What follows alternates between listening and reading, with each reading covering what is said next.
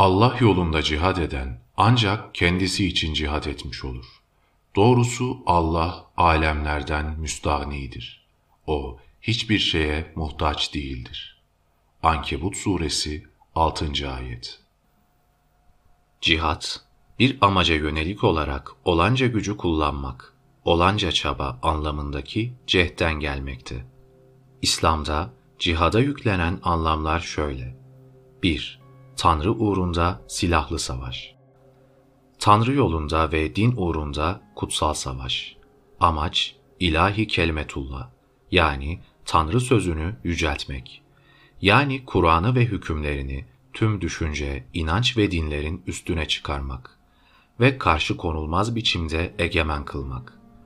Ayet ve hadislerdeki özel anlatımıyla Tanrı yolunda kafirlere karşı İslam'ı üstün ve yenilmez duruma getirmek için canla ve malla birlikte savaşmak.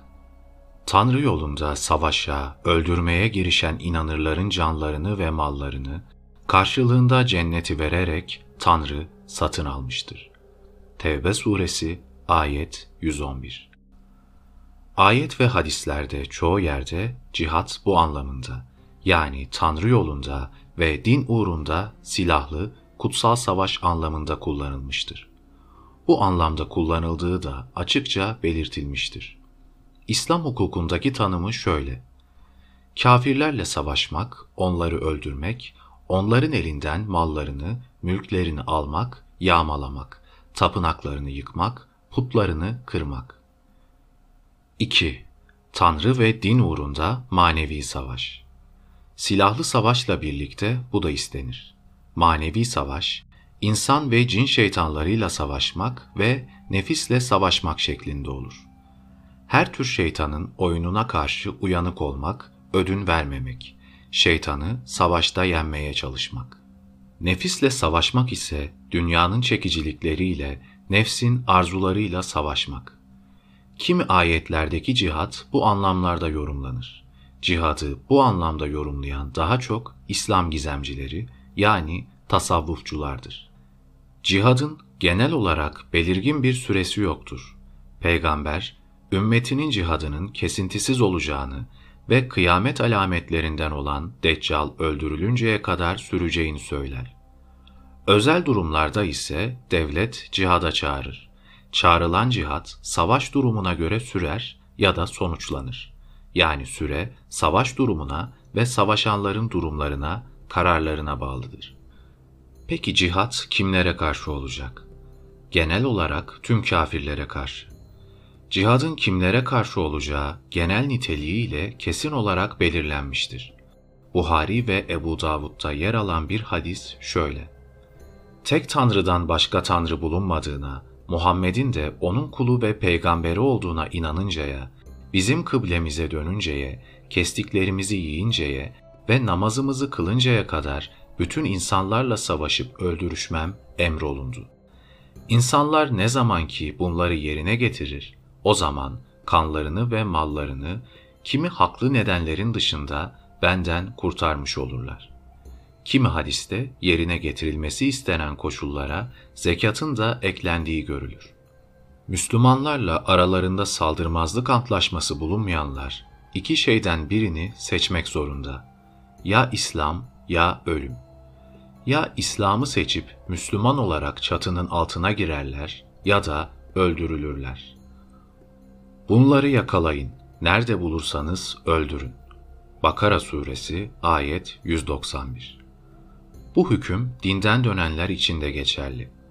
Arap olmayan puta taparların bu hükmün dışında tutulması ve onlardan İslam'ı kabul etmemeleri durumunda cizye alınması yoluna gidilebileceği görüşü de var. Hanefi fıkhında bu görüşün benimsendiği de görülür. Peki Müslümanlarla aralarında saldırmazlık antlaşması bulunanların durumu nedir? Antlaşmanın gereğine uyulur. Ancak bu durum peygamber döneminde İslam'ın güçlenmesine değin sürmüştür. Sonrası için söz konusu değildir. Tövbe suresi 1 ila 9. ayetler bu durumu ortaya koymakta. Arada antlaşma olan puta taparlara yeryüzünde dolaşabilmeleri için dört ay süre verilmiştir. Bu süre geçtikten sonra onlara karşı Müslümanların ne yapmaları gerektiği bildirilmiştir. Nerede bulursanız öldürün, yakalayın, hapsedin. Tüm gözetleme yerlerinde bekleyin. Eğer tövbe ederlerse, namaz kılarlar ve zekat verirlerse serbest bırakın. Tanrı bağışlayan ve acıyandır. Tevbe suresi 5. ayet. Kitap ehline yani Hristiyan ve Yahudilere gelince, Müslümanlarla aralarında saldırmazlık antlaşması bulunmayan kitap ehlinin önünde üç seçenek var. Ya İslam, ya cizye ya da ölüm. Müslümanlarla aralarında antlaşma varsa antlaşma hükümlerine uyulur. Ne var ki peygamber döneminde arada saldırmazlık antlaşması bulunan kimi kitap ehline anlaşma hükümlerini bozuyorsunuz. Kimileriniz gidip şurada burada aleyhimizde bulunuyor denerek saldırılmış ve çoğunluğu öldürülmüştür. Beni Kureyza bunlardandır.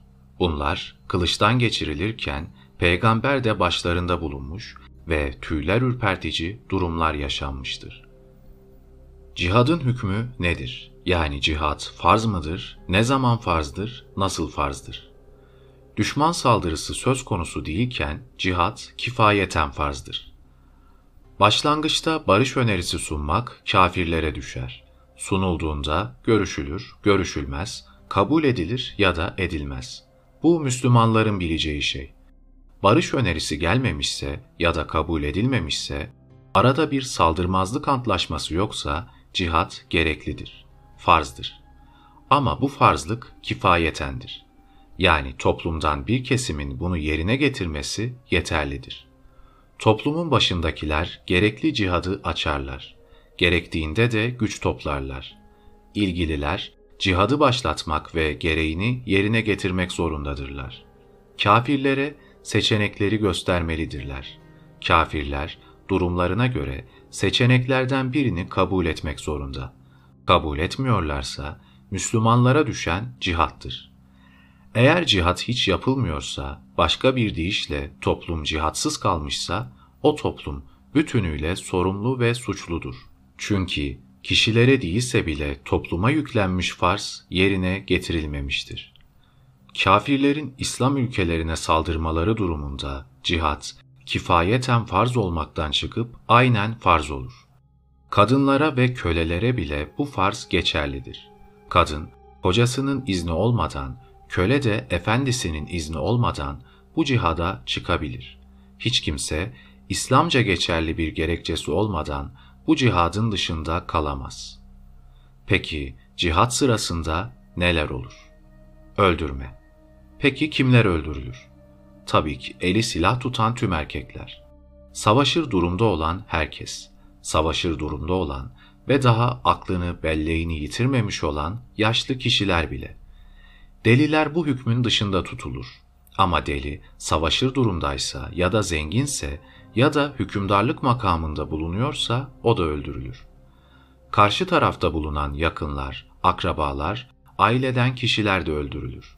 Ayetlerde imanı bırakıp kafirlik yolunu seçen babaların, kardeşlerin dost edinilmeyeceğini, cihat söz konusu olduğunda da babaların, oğulların, kardeşlerin, eşlerin ve aşiret üyelerinin artık Tanrı ve peygamber karşısında önemlerini yitirecekleri, bunlara karşı savaşılması gerektiği bildirilmekte.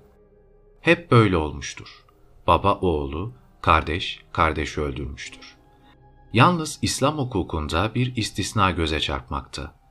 Cihatta karşı karşıya gelen baba oğuldan, oğul babayı öldürmeye girişmemeli. Ama baba oğlunu öldürmeye yönelmişse, Müslüman oğul artık babasını öldürme hakkını elde etmiştir. Baba Müslümansa kafir olan oğlunu öldürebilir. Oğlan Müslümansa kafir olan babayı öldürmeye atılamaz. Ama cihat sırasında başkasının onu öldürmesine engel olamaz. Olmamak zorunda. Çocuklar, kadınlar, körler, kötürümler, yatalaklar. Bunlar genellikle öldürülmezlerse de bunlardan savaşır durumda olan, görüş sahibi olan, mal sahibi olan, yetki, hükümdarlık makamında bulunan öldürülür. Peygamberin şöyle bir buyruğu var. Puta taparların yaşlılarını öldürün de çocuklarını bırakın. Bu hadis Ebu Davud'da ve Tirmizi'de yer almakta. Kureyza Yahudilerinin öldürülmesi sırasında bu buyruk verilmişti. Çocukların bırakılması isteniyordu. Çünkü elde bulunan çocuklar köleler arasında yerlerini alacak ve işe yarayacaklardı. Hepsi ele geçirilmiş değerli mal türündendi. Kaldı ki o sırada yüzlerce kişi öldürülürken Müslüman öldürücüler adam akıllı yorulmuştu. Öldürülecekler elleri bağlı, uzunca bir çukurun önünde öldürülmeye hazır bulunduruldukları halde. Herkes bitkin bir duruma gelmişti adam kesmekten. Öldürücülerin arasında peygamberin damadı Ali de vardı. Peygamber de başlarındaydı. Bu sırada peygambere dil uzattı diye bir kadın da öldürülmüştü. Kadınların sağ bırakılmasına hükmedildiği halde. Gece baskınlarında kafirler toptan kılıçtan geçirildiğinde, evler yakılıp yıkıldığında öldürülenler arasında kadınlar ve çocuklar da bulunuyordu. Bu hadis Ebu Davud'da, İbn Mace'de, Ahmet İbni Hanbel'de ve Tirmizi'de yer almakta. Arkadaşlarından biriyle peygamber arasında şöyle bir konuşma geçiyor. Ey Tanrı elçisi! Evlere yapılan gece baskınlarında puta taparların kadınları ve çocukları da öldürülüyor. Ne dersin? Peygamber şöyle cevaplıyor. Onlar da öbürlerindendir. Yani kadın ve çocukların öbürlerinden farkı yok. Onlar da öldürülebilirler. Bu hadis Ebu Davud'da ve Tirmizi'de yer almakta. Peygamber böylece bir yandan kadın ve çocukların öldürülmemeleri için buyruk verirken, öbür yandan da toplu kırımlarda bunların öldürülmesinde bir sakınca olmadığını bildiriyor. Peki kafirler nasıl öldürülür? Maide suresinin 33. ayetinde bu soruya şöyle cevap veriliyor. Tanrı ve peygamberiyle savaşanların ve yeryüzünde fesatlık çıkaranların cezası boğazlanarak öldürülmek ya da asılmak ya da el ve ayaklarının çapraz kesilmesi ya da bulundukları yerden sürülmeleridir. Bu onlar için dünyadaki rezilliktir. Ahirette ise daha büyük azap hazırlanmıştır. Demek ki boğazlama var, asma var, dahası işkence bile var. Ellerin ve ayakların çapraz olarak kesilmesi kuşkusuz bir işkencedir. Hadislerde daha başka öldürme biçimleri de anlatılıyor. Tümü özetle şöyle. 1. Kılıçla öldürme. Birden boğazlayarak ya da herhangi bir yere kılıç sokarak, keserek, parçalayarak. 2. Asarak öldürme. 3. İşkenceyle öldürme. Peygamberin işkence yapılmamasını istediği aktarılır. Burada söze edilen işkencenin insanın orasını burasını, örneğin burnunu, kulağını, kolunu, bacağını kesmek, gözlerini çıkarmak türünden olduğu açıklanıyor. İslam hukukunda da işkencenin yapılmaması yolunda hüküm var. Ne var ki peygamberin kendisi işkence uygulatmıştır. Olayın özeti şöyle. Ukul ya da Ureyne kabilelerinden birkaç kişi, kimilerinin yazdığına göre 7-8 kişi peygambere gelir. Müslüman olduklarını söylerler. Renkleri sararmıştır. Hasta oldukları anlaşılmaktadır. Peygamber deve sütü ve deve sidiği içirip bunları tedavi eder. Bir süre sonra iyileşmişlerdir. Medine'nin havasının kendilerine iyi gelmediğini ve havası uygun bir kesime çıkmak istediklerini peygambere söylerler. Peygamber de gereksinimleri karşılansın diye bir deve sürüsünü başlarındaki çobanıyla birlikte bunların buyruğuna verir. Ve develerin bulundukları yere giderler. Bir süre develerin sütüyle beslendikten sonra çobanı öldürürler. Develeri de alıp giderler. Olay öğrenilir. Medine'ye peygambere haber gelir. Peygamber öfkelenmiştir. Adamların yakalanmalarını emreder. Tümünü yakalattırır. Suçlular peygamberin huzuruna çıkarılır ve peygamberin kararı. Elleri, ayakları çapraz olarak kesilsin, gözleri oyulup çıkarılsın. Peygamberin buyruğu uygulanır. Peygamberin buyruğuyla suçluların elleri, ayakları çapraz olarak kesilir, gözleri oyulur. Medine dışında güneşin altında ateş gibi yandığı için Harre adı verilen yere götürülüp konulurlar. Suçlular su ister, su verilmez. Zavallılar taşları kemirir. Ağızlarıyla, dişleriyle toprağa kazarlar. Ölünceye dek öyle bırakılırlar. Buhari bu hadise yedi yerde ve dokuz yolla, Müslim bir yerde ve yedi yolla, Ebu Davud bir yerde beş yolla, Nese'yi bir yerde dört yolla gönderme yapar. Bunu göz önünde tutan Ahmet Naim, hadisin sağlamlığı konusunda şöyle diyor. Altı kitaptan sağlamlık derecelerine göre en sağlam sayılan dördünde böyle 25 yolla belirlenen ayrıca Ebu Avane, İbn Sad, Taheri, Taberani, Abdülrezzak, İbn Talla, İbni İshak ve Vaki gibi birçokları tarafından başka birçok yoldan aktarılan bu hadis hakkında gerçek midir, değil midir diyerek kuşkuya kapılmak hiçbir Müslüman için düşünülemez. Kimi aktarmalarda suçluların çobanı işkence yaparak öldürdükleri de aktarılmakta. Onlara da bu nedenle işkence uygulandığı açıklanıyor. Oysa aynı hadiste şu nedenler de belirtilmekte. Suçlulara ayetin hükmü uygulanmıştır. Söze edilen ayet, anlamı yukarıda geçen Maide suresinin 33. ayeti. Suçluların peygamberin damızlık develerini alıp götürmeye yeltendikleri için bu cezaya çarptırıldığını belirten hadisler de vardır. Şaşılası durumdur ki kimi Müslüman yazar bu olaydaki suçlulara uygulananı işkence türünden saymamakta. Bu yazarlar arasında tecridin mütercimi Profesör Doktor Kamil Miras da var. Oysa hadisi aktaranlar da, hadise kitaplarında yer verenler de bunun işkence olduğunu açıkça belirtiyor. Yalnız peygamber işkence yapılmamasını istediği halde kendisi nasıl işkence yapmış olabilir? Sorusuna uygun karşılık bulmaya çalışıyorlar. Kimileri peygamberin bu işkenceyi işkence edilmesini yasaklamadan önce uygulattırdığını ileri sürüyor. Kimileri de bunun bir kısas olduğunu savunuyor. Bu görüşte olanlara göre suçlular da çobana işkence etmişlerdir. Kimileri ise söz konusu olayda işkence uygulatırken peygamberin Maide suresinin 33. ayetinin hükmünü yerine getirdiğini savunmakta. Çoğunluk bu görüşü benimsiyor. Ne olursa olsun gerçek saklanamıyor. Peygamber en acımasızların bile kolay kolay yapamayacakları türden bir işkence uygulatmıştır. Yakarak öldürme Hamzaoğlu Muhammed aktarıyor. Peygamber bir gün Hamza'yı çağırdı. Bir savaş birliğinin başına komutan olarak atadı ve şu buyruğu verdi. Falan kişiyi bulursanız ateşe atıp yakın. Hamza birliğiyle yola çıkmak üzereyken o sırada peygamber Hamza'yı yine çağırdı. Bu kez şöyle dedi. Falancayı bulursanız ateşe atın dedim. Ama önce öldürün, sonra yakın. Çünkü ateşte yakma cezasını yalnızca ateşi yaratan Allah verebilir. Ebu Hureyre anlatıyor.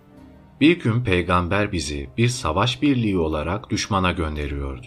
O sırada Kureyş'ten iki kişinin atlarını verip bunları yakaladığınızda ateşte yakın dedi. Bir süre sonra dönüp şöyle dedi. Size onları bulursanız ikisini de yakın dedim ama yakmayın.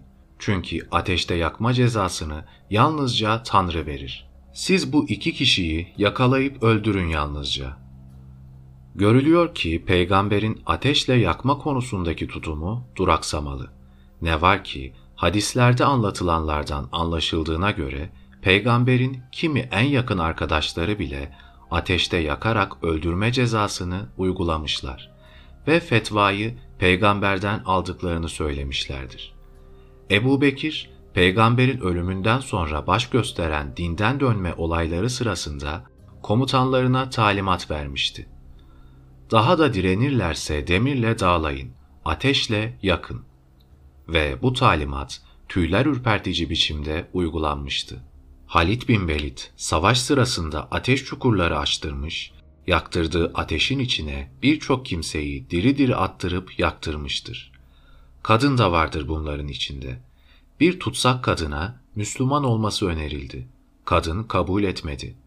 Önünde yanan ateşe atılacağı söylendi. Kadın, hoş geldin ölüm.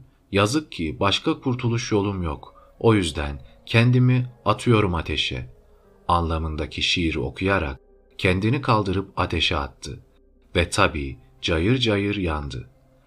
Ebu Bekir'in ateşte diri diri yakma cezasını nasıl verebildiği sorulduğunda, peygamberin bu tür cezaya izin verdiğini söyleyerek karşılık verilmekti. İnsanları inançlarını bırakmıyorlar diye ateş çukuruna attırıp yaktıranlardan birinin de Ali olduğu aktarılır. Buhari'nin de yer verdiği bir hadiste Ali'nin bir topluluğu ateşe attırıp yaktırdığı İbn Abbas'a söylendiğinde İbn Abbas'ın şöyle dediği aktarılmakta. Ben olsaydım bunu yapmazdım. Çünkü peygamber Tanrı'nın verdiği ceza biçiminde ceza vermeyin demişti. Ben olsaydım sadece öldürürdüm.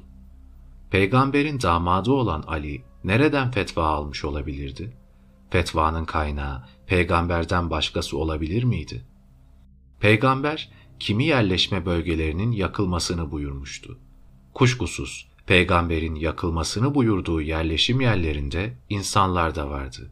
Zaten İslam hukukunda da böyle durumlarda insanları yakmanın mekruh olmadığı açıklanmakta.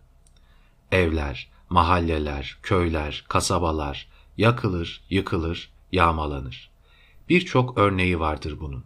Peygamber döneminde de, daha sonraki dönemlerde de. Peygamberin döneminde gece baskınları düzenlenirdi. Sonra da yağmaya girişilirdi. İşte bir hadis. Filistin'de Übna denen bir yerleşim yeri. Peygamber buraya bir baskın düzenliyor. Baskını yapacaklara da buyruğu şöyle veriyor. Sabahleyin Übna'ya ansızın baskın yapıp orayı yakın. Buyruk yerine getiriliyor. Yani Übna köyü yakılıyor. İçindekilerle birlikte. İslam hukukunda da düşman evlerinin yakılması caiz görülmüştür. Düşmanın bulunduğu yerdeki ağaçlar, ürünler de yakılır ya da kesilir. Örneğin, Peygamber Beni Nadir kabilesinin hurmalıklarını yaktırmıştı. Ayrıca kestirmişti. Haşr suresinin 5. ayetinde bu olaya kısaca değinilmekte. Bu ayetin Diyanet çevirisindeki anlamı şöyle. İnkarcı kitap ehlinin yurtlarında hurma ağaçlarını kesmeniz veya onları kesmeyip gövdeleri üzerinde ayakta bırakmanız Allah'ın izniyledir. Allah yoldan çıkanları böylece rezilliğe uğratır. Bu ayette geçmeyen yakma olayı hadislerde yer almakta. Buhari'de, Müslim'de, Ebu Davud'da, Tirmizi'de, Ahmet İbni Hanbel'de ve daha başka birçok kaynakta bu konuya yer verilmekte. İslam hukukunda da cihat sırasında düşman kesimindeki yaş ağaçların kesilebileceği, kesilmeden yakılabileceği hükme bağlanmıştır. Cihat sırasında her türlü yalan, aldatma, hile, tuzak mübahtır. Bir hadis şöyle diyor. Savaş hiledir. Buhari buna örnek olarak Eşrefoğlu Kab'ın hileyle öldürülmesini gösteriyor. Eşrefoğlu Kab genç bir şairdi. Peygamberi ve Müslümanları eleştiriyordu. Peygamber bir gün arkadaşlarına "Bu adamı öldürebilecek kimse var mı?" diye sordu. Mesleme oğlu Muhammed ortaya atıldı. "Ben varım." dedi. Eşrefoğlu Kab'ın nasıl öldürülebileceği planlandı. Yalanlar uyduruldu, tuzak hazırlandı ve sonunda bir gece kalesinde bulunan şairin kafası kesilerek plan sonuçlandırıldı ve kesilen baş peygambere götürüldü. Bu olay Buhari'de, Müslim'de, Ebu Davud'da yer almakta. Ayetlerde, hadislerde ve yorumcuların sözlerinde cihadın Müslümanlara neler sağlayacağı uzun uzun anlatılır. Bu konuda bir ayetle bir hadisi anımsatmak yeterli. Allah şüphesiz Allah yolunda savaşıp öldüren ve öldürülen müminlerin canlarını ve mallarını Tevrat, İncil ve Kur'an'da söz verilmiş bir hak olarak cennete karşılık satın almıştır. Verdiği sözü Allah'tan daha çok tutan kim vardır? Öyleyse yaptığınız alışverişe sevinin. Bu büyük başarıdır. Tevbe suresi ayet 111 Bir hadis şöyle. Kafirle öldüreni cehennemde birlikte bulunamaz. Yani kafir kesinlikle cehenneme gideceğine göre onu öldüren Müslüman da kesinlikle cehenneme değil cennete gidecektir. Öyleyse Müslüman kafir öldürmeye bakmalıdır sürekli.